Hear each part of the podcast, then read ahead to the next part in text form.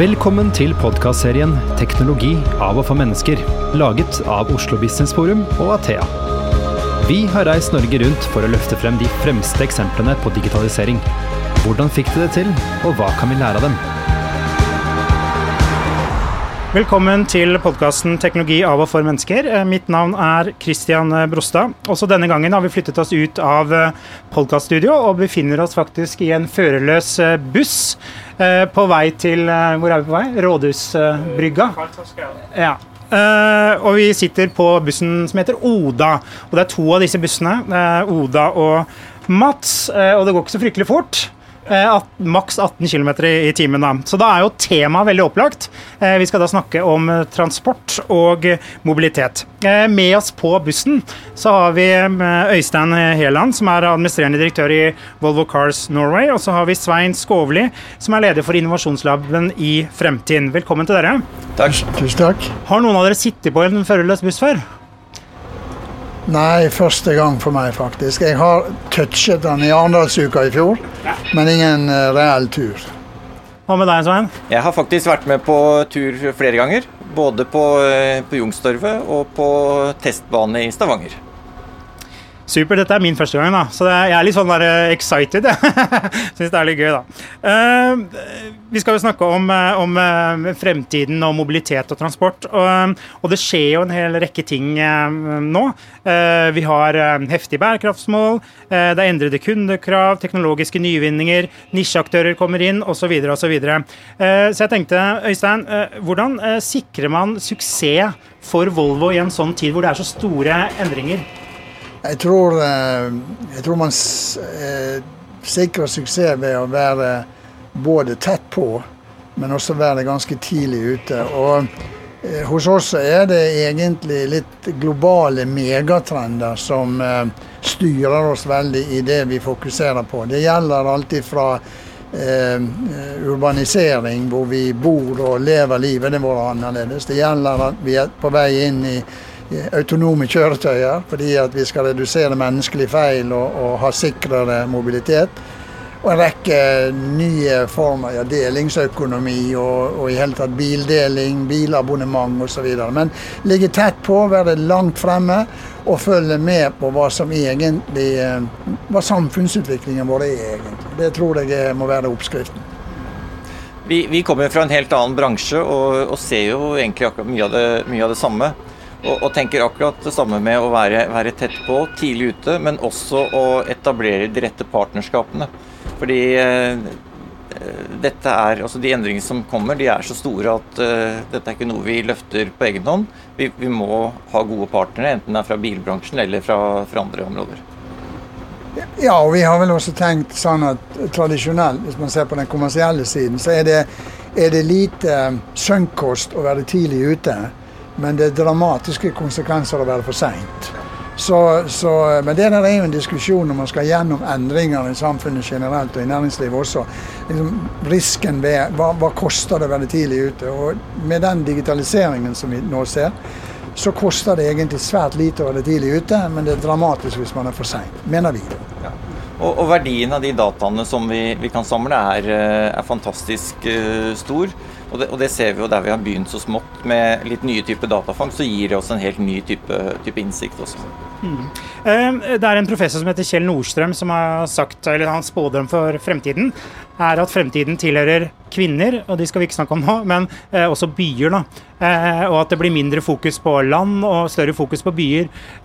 Og Øystein, eh, hele ideen bak bil, da, som du representerer, er jo eh, å flytte seg i avstander. Altså det er litt avstander. Eh, hvis vi alle bor i byer, har vi da behov for bil? Ja, I noen grad så har vi nok det, men, men vi, har, vi har nok behov for en helt annen type mobilitet enn det vi tradisjonelt har hatt la oss si, de siste 100 årene, da, hvis man skal trekke det ut i tid, eller de siste ti årene.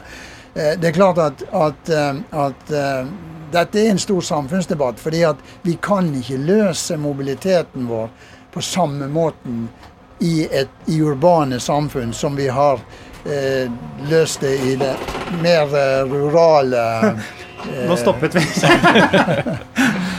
Nei, så, så, vi mener det at, vi mener det, at det, det, er egentlig det, er det som blir hovedrollen til bilprodusentene fremover. Det er egentlig å tenke og løse mobiliteten på en helt annen måte pga. urbaniseringen som skjer. Og det er også sånn at Volvo eh, Dere omdefinerer egentlig dere litt eh, til å bli et mobilitets- eller tjenesteleverandør ja, i større grad. Hva ja, betyr det? Nei, det, betyr, det kan bety mange, mange, ting. Det kan bety eh, selvfølgelig at man egentlig ikke lenger eier bilen sin. Man kan abonnere på bilen, f.eks. Det, det kan bety at man deler bilen på en mye mer effektiv måte. Altså, da snakker vi ikke om at, vi, at jeg gir deg mine bilnøkler, og du gir dem tilbake når du har brukt min bil, men vi, vi gjør denne bildelingen mye mer digitalt. Vi gjør den mer smooth, vi gjør den mer, eh, mindre plunder og heft. Eh, og en rekke slike ting. Og så tror jeg, jeg må bare nevne siden vi sitter i en autonom buss her, så tror vi på at vi vil se en form for interfacing mellom privat mobilitet og offentlig kommunikasjon, eller, eller kollektiv, eh, kollektiv, mobilitet. Og det tror, vi, eh, det tror vi kommer fortere enn vi kanskje kan forestille oss. Sånn at det blir en sømløs opplevelse for sømløs opple brukerne? Ja, en sømløs opplevelse. Vi har diskutert dette med noen aktører allerede. Hvordan kan vi gjøre dette? Kan vi parkere bilene autonomt? Som bare at vi bare går ut av bilen og bilen parkerer seg selv. Vi går på offentlig, offentlig kommunikasjon. Vi eh, varsler at vi er på vei tilbake og bilen er autonomt kjørt frem når vi da forlater den offentlige transporten. Eh, og dette eh, kan høres ut som science fiction, men det er langt ifra det. Teknologien finnes. Vi skal bare eh, bestemme oss for å ta den i bruk. Så, så langt er vi egentlig kommet. Og jeg tror Den største feilen man kan gjøre, er å tro at det kommer autonome kjøretøy, men resten forblir akkurat som det er. Den, den endringen som kommer, den vil, vil, drive frem helt nye typer verdikjeder, helt nye typer aktører. Um, ser vi har fått mye respons på 'jeg kommer aldri til å kjøpe meg en selvkjørende bil'. Eh, nei, det tror ikke jeg heller at du kommer til å gjøre. Den, hvorfor skal du det? Den kan du, den kan du bare rekvirere. Og, eh, og, og, det betyr at vi fort får ulike nivåer. F.eks. noen vil reise business class med en bil alene, mens andre vil reise billigere og heller dele med andre. Og noen igjen vil kanskje rekvirere et hotellrom som kan ta dem til København i løpet av natta. Så altså, mulighetsrommet som åpner seg, er, eh, er fantastisk stort. Jo, men Du berører et utrolig interessant tema når du, når du, eh, når du sier det. fordi at det, det, vi har sagt, er at liksom trinn én av en autonom eh, fremtid er jo å få redusert bort de menneskene i feilene og få færre ulykker. Det er det bilindustrien og vi ser på som det klart. Altså, det, vi har en epidemi av trafikkulykker i den globale sammenheng. 95% skyldes menneskelig feil. Mange av de kan reduseres ved at bilene blir autonome. Men samfunnsdebatten, som du toucher inn på, hva vil vi med dette? Hvordan vil vi bruke det? Hvilken samfunnsrolle skal disse autonome kjøretøyene ha? Den har vi ikke startet på ennå. Og den må, den må, starte, for teknologien kommer. Og da må vi vite hvilken rolle og hvordan vi vil bruke den. Og, og, det er en diskusjon som selvfølgelig også burde vært, vært med når, når, det nå planlegges nye jernbanelinjer og det krangles om de skal gå gjennom by, bysentra eller, eh, eller, ikke. Det er litt sirkus nå. ja. Om, eh, om toglinjen skal gå gjennom bysentra eller ikke. Fordi innen disse utbyggingene er ferdig, så har jo teknologien, eksempelvis med autonome biler, kommet mye, mye lenger. Jo, Da berører du et annet tema som jeg syns er er egentlig eh, viktig å berøre. Og Det er det vi kaller den nordiske modellen, eller det kan kalle den norske modellen. Altså Det er når, når myndigheter, eh, institusjoner, utdanning, universiteter og næringsliv begynner å snakke sammen. Da kan vi flytte fjell.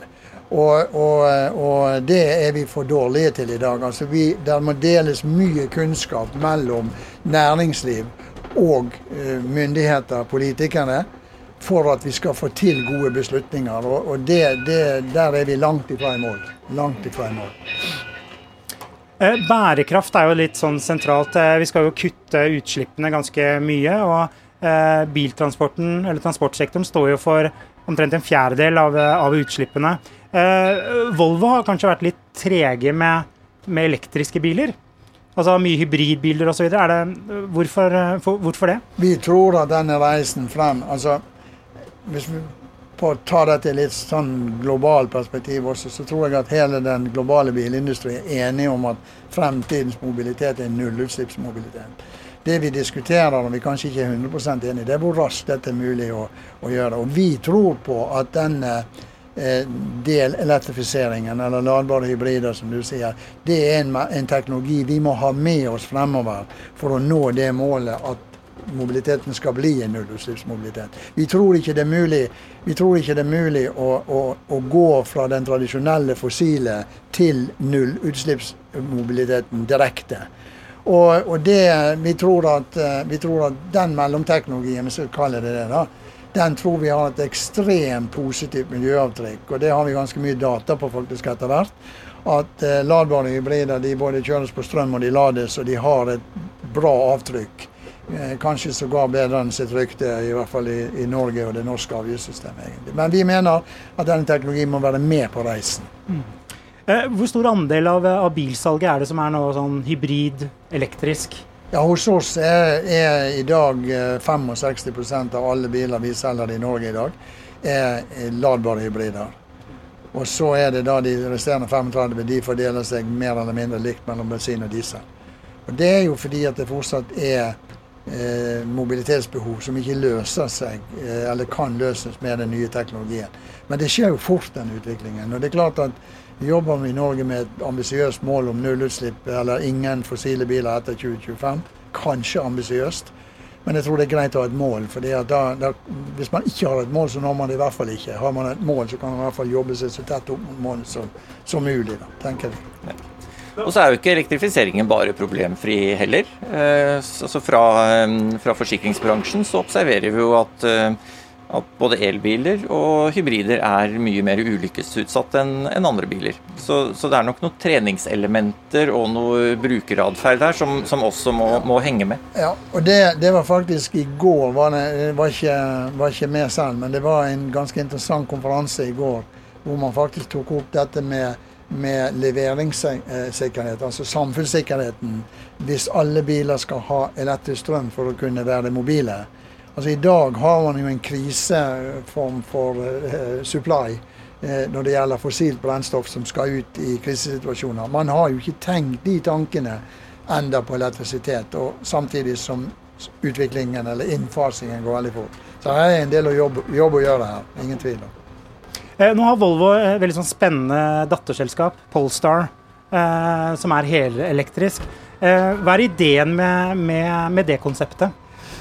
Nei, det, er, det, det, det, kan vel enklest forklares slik at det er mye både bedre teknologisk, og det er også mye bedre eh, kommersielt å utvikle en elektrisk bil enn å gjøre en bil som har vært utviklet for å ha fossil energi og fossil eh, drivlinjer, til å bli elektriske. Og det vi sa, det er at vi ønsker å være ganske dominante på den elektriske, elektriske delen av mobiliteten, den vi ser kommer. Og da sa vi det at det kan vi faktisk gjøre enda raskere ved å utvikle et eget merke som ikke jobber med noen ting annet enn elektriske biler og elektrisk utvikling. Og så tar vi da eh, den andre delen av eh, økosystemet vårt, altså det tradisjonelle Volvo, og elektrifiserer over litt lengre tid. Så det er bare for å komme raskt i gang, for å si det sånn. Og det er mye spennende teknologi i den bilen, har jeg skjønt? Ja, det er en liten revolusjon, vil jeg jo si. Nå er jo kanskje noen vil si at du er litt inhabil her, Øystein, til, ja. til, å mene, til, å mene, så mye om det. Men, eh, men det jeg kan si, er at vi tar nok nye vi tar nok nye kvantesprang når det gjelder teknologi i den bilen. Eh, som også har vært mulig fordi at han har vært liksom løsrevet av mange av de andre strukturene og systemene som vi har, og, og fortsatt utvikler biler på. det. Mm. Eh, har dere på sikkerhetsbelte, forresten? For det, går, det er litt sånn stakket her. Vi må kjøre med sikkerhetsbelte. Ja, det har vi på. Ja, det er bra. det er bra. Uh, Svein, uh, tenkte jeg skulle stille deg et spørsmål. Uh, når det er sånn at det er uh, ingen kanskje som eier biler i fremtiden, det er mye bildeling osv., så, videre, så røsker det jo kraftig opp i forsikringsmarkedet også. hvordan forholder fremtiden seg til, til, det? Ja, Det er jo en av de virkelig store endringene som, som, som vi ser vil, vil komme. Og vi, vi, ser spor av det allerede med en økende grad av eh, skal vi kalle det flåteforsikringer, der hvor det tidligere kun var, eh, var individuelle forsikringer. Og Det er jo ett steg på, på veien. Men, men, hvis vi ser enda lenger frem, som, uh, altså med, med, selvkjørende biler, biler man rekvirerer, bestiller, så har vi fort et marked som begynner å ligne seg det, det vi kjenner fra, fra, flybransjen. Hvor du har en produsent som, som forsikrer et, uh, et produktansvar du har en um, operatør som, som forsikrer um, flyet, eller da bilen i dette, dette, tilfellet. Og den som bruker bilen, trenger bare en reiseforsikring når han skal, skal ut på tur. Så eksempelet Boeing har produserer flyet, Norwegian er, forsikrer flyet, og du som reiser, trenger bare reiseforsikringen din. Dette er egentlig, dette er egentlig veldig interessant. fordi at, det er også en diskusjon som vi har startet. og det er at hvis vi lager en autonom bil, og vi sier at vi har 100% ansvaret for at den teknologien fungerer sånn som den skal, så trenger jo ikke kunden å forsikre den teknologien. Altså Den som trenger forsikrelse, det er jo oss i så fall.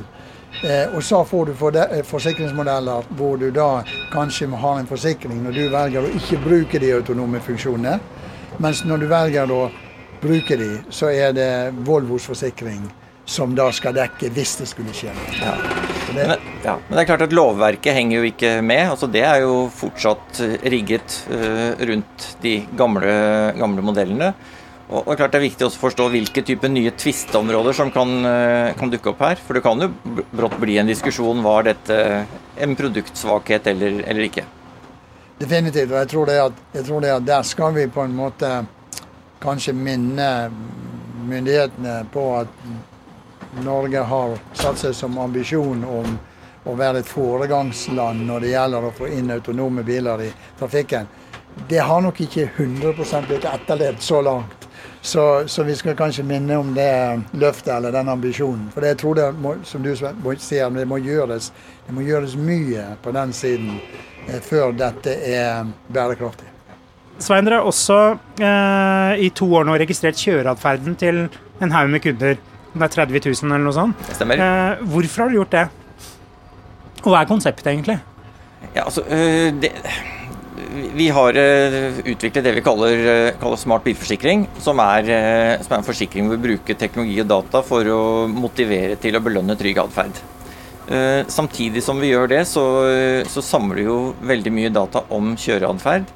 Og det at vi da for første gang får objektive atferdsdata, har en kjempestor verdi for oss. Både for å utvikle nye forsikringer, men også for å utvikle andre typer uh, tjenester.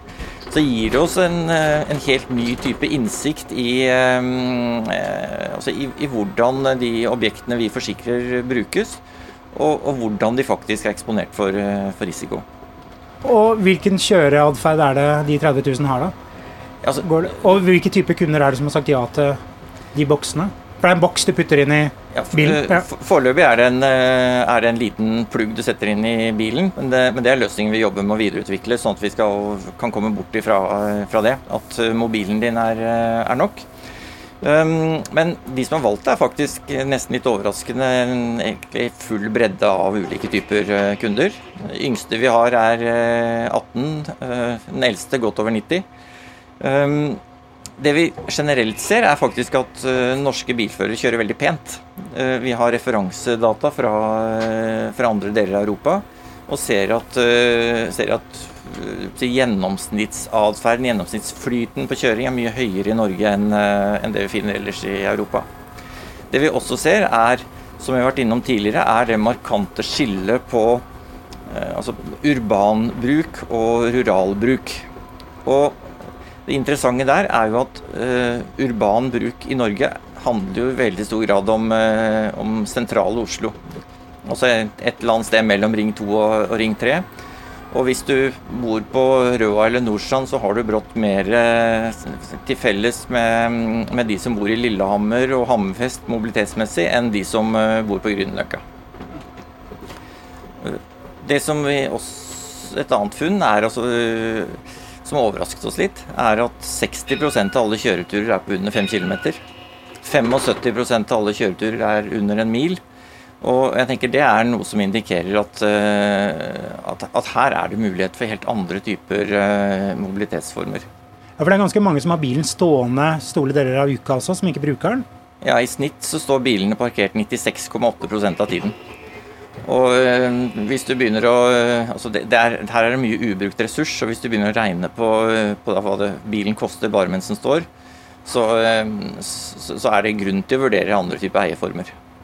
Jo, og det der er veldig, der er veldig spennende, fordi at vi, har, vi holder fortsatt på med bearbeidingen, da, men vi har hentet inn data fra over 13 000 ladbare hybrider i Norge.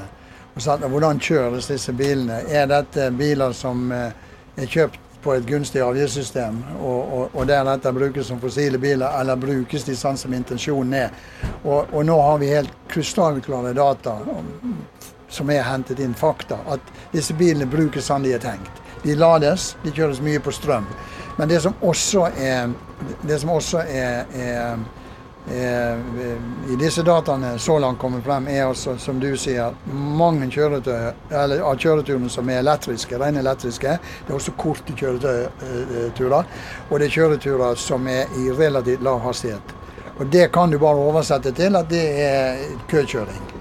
Eh, det er det det dreier seg om. og Da kjøres disse bilene på elektrisk. Og Det har jo gitt oss nye og viktige data for hvordan vi skal egen, ja, videreutvikle teknologien vår, faktisk. Ja, For data er jo sentralt. og Man sier jo at uh, skal du lykkes med digitaliseringen, så må du være datadrevet. Uh, og der har jo tydeligvis begge uh, kommet langt, kanskje? Eller? Ja, det vil jeg, vil jeg si. Uh, og ser altså Når vi har tatt i bruk eh, de dataene vi, vi har samlet fra, fra, bilene, som det er objektive atferdsdata, setter det sammen med andre data vi har, og, og bruker, um, bruker, maskinlæringsmetodikk på det, så, så, så, gir det også et voldsomt løft. Og, og det er noe som skaper, skaper mye oppmerksomhet også, også utenlands, for vi, vi, er langt fremme. Det er en spennende ting ting eh, også med dette med, med data. For det vi også tror, er jo at gjennom at bilen er oppkoblet, så har vi tenkt at vi tror forholdsvis raskt så kommer vi til å selge bilkonfigurasjonen over, over, nettet. Og hva jeg mener med det, det er at du kjøper en bil som kanskje har egenskaper her i Oslo for å ha relativt eh, stor kraft, eh, men litt lav, to lav topphastighet. Fordi at du kjører på hytten og du trenger litt kraft og, og, og, styrke, men du trenger ikke en høy topp, eh, topphastighet. Og så kan du over nettet bestille en ny konfigurasjon og si at nå trenger jeg ikke den kraften, men jeg må ha høyere topphastighet fordi at jeg skal kjøre gjennom Tyskland på motorveier. Så laster vi ned den konfigurasjonen i bilen din. Og så gjør du den jobben, og så kommer du tilbake igjen, og så bestiller du ny, den gamle konfigurasjonen tilbake igjen. Og Dette er også teknologi som finnes i dag. Dette kan vi gjøre. Så det blir en abonnementsløsning nesten? Abonnementsløsning, egentlig. Men du kjøper deg en bil, og så eh, tilpasser du egenskapene til den bilen etter hvor du bruker den og, og, og, og hvilke hensikter du har. Og det, og det, henger jo tett sammen med, med hvordan vi tenker på, på atferdsbasert uh, og bruksbasert uh, forsikring. Hvor, hvor, vi ser at det å kunne tilpasse forsikringen etter, etter risiko er, er, er veldig viktig. Og, og, når vi ser altså, i dataene vi har samlet, hva som eh, har høyest grad av korrelasjon med, med, skadefrekvens, utenom da som det tradisjonelle, så er det mengden høy fart. Så, så det er klart at en, en bil, som, eh, bil, som, enten ikke kan brukes høy fart, eller ikke kjøres i høy fart, har en lavere risiko. Um, en ting som, eh, som, eh, For man kan gå seg litt vill i For det er jo, mm, som du sa, Øystein, altså teknologiske mulighetene er jo nesten uendelige. Eh, men hvordan vet dere hva kundene deres vil ha? Hva er det som driver innovasjonen her? Er det data, altså dykker ned i dataen? Her var det noen interessante greier, og så kommer man med en tjeneste eller produkt? Eller hvem i alle dager vet hva kundene vil ha her? Jeg tror, jeg tror at vi innenfor du tar den delen av teknologien som er veldig drevet eh, av den digitale utviklingen, eller digitale løsninger, så tror jeg at vi i bilindustrien kommer til å oppleve en masse trial and error. Altså vi tror vi har noe, og så tester vi det. Og så sier vi dette var en innertier. Eller vi sier her bommet vi totalt, og så må vi tilbake og gjøre om dette.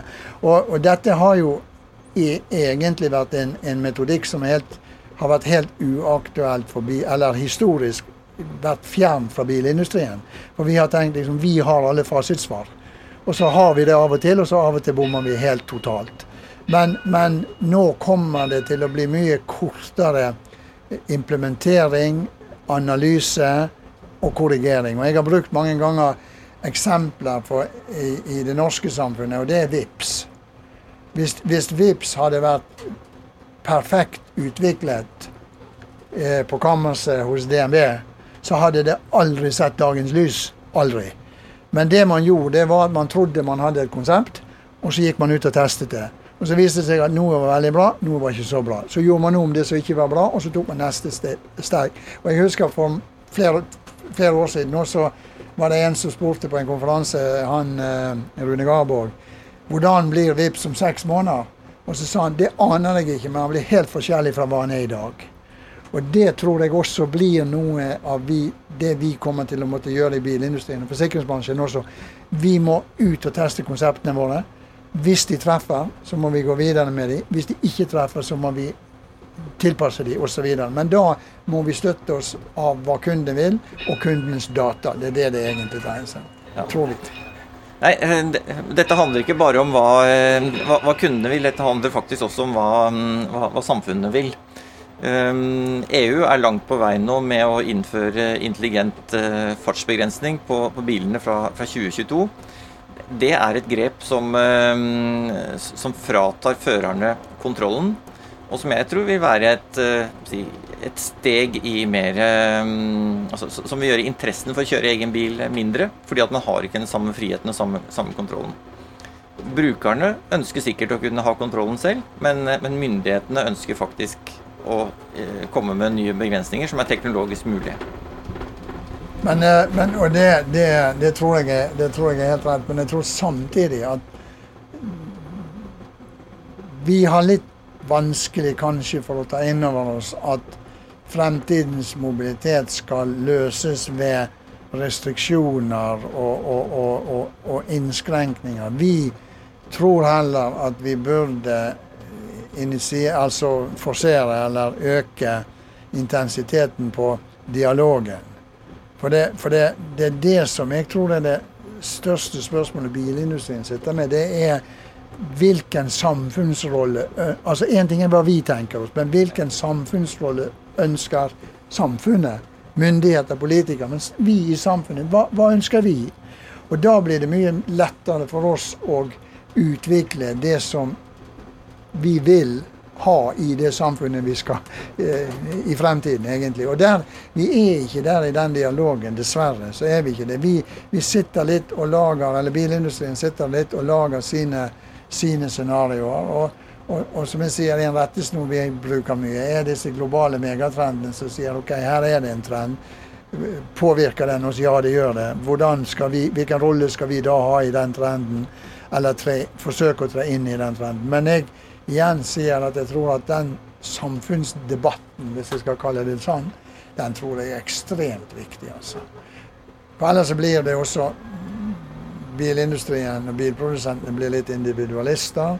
Den ene tror at, noe, at, man gjør noe ekstremt smart, og så er det noen andre som sier at skal vi gjøre noe helt annet, for da kanskje kan vi dra fordel i det, istedenfor at vi jobber oss mer fremover i en felles rolle, fordi at vi har et uh, felles samfunnsansvar og en felles uh, samfunnsmålsetting, hvis jeg skal bruke det sånn. Tenker vi. Ja, hvordan har denne bil, nei, bussturen vært? Syns dere er litt hakkete? Hva tenker dere? Er dette fremtiden?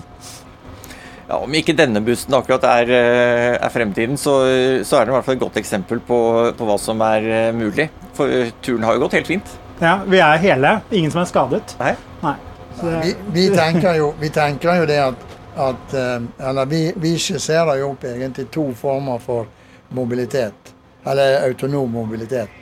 Den ene er jo denne som vi sitter i i dag. Og det er en mobilitet som Han er her jo. Den, denne funker jo. Eh, men han har noen rammebetingelser. Og det er at hastigheten er så lav at du kan blande myke og harde trafikanter.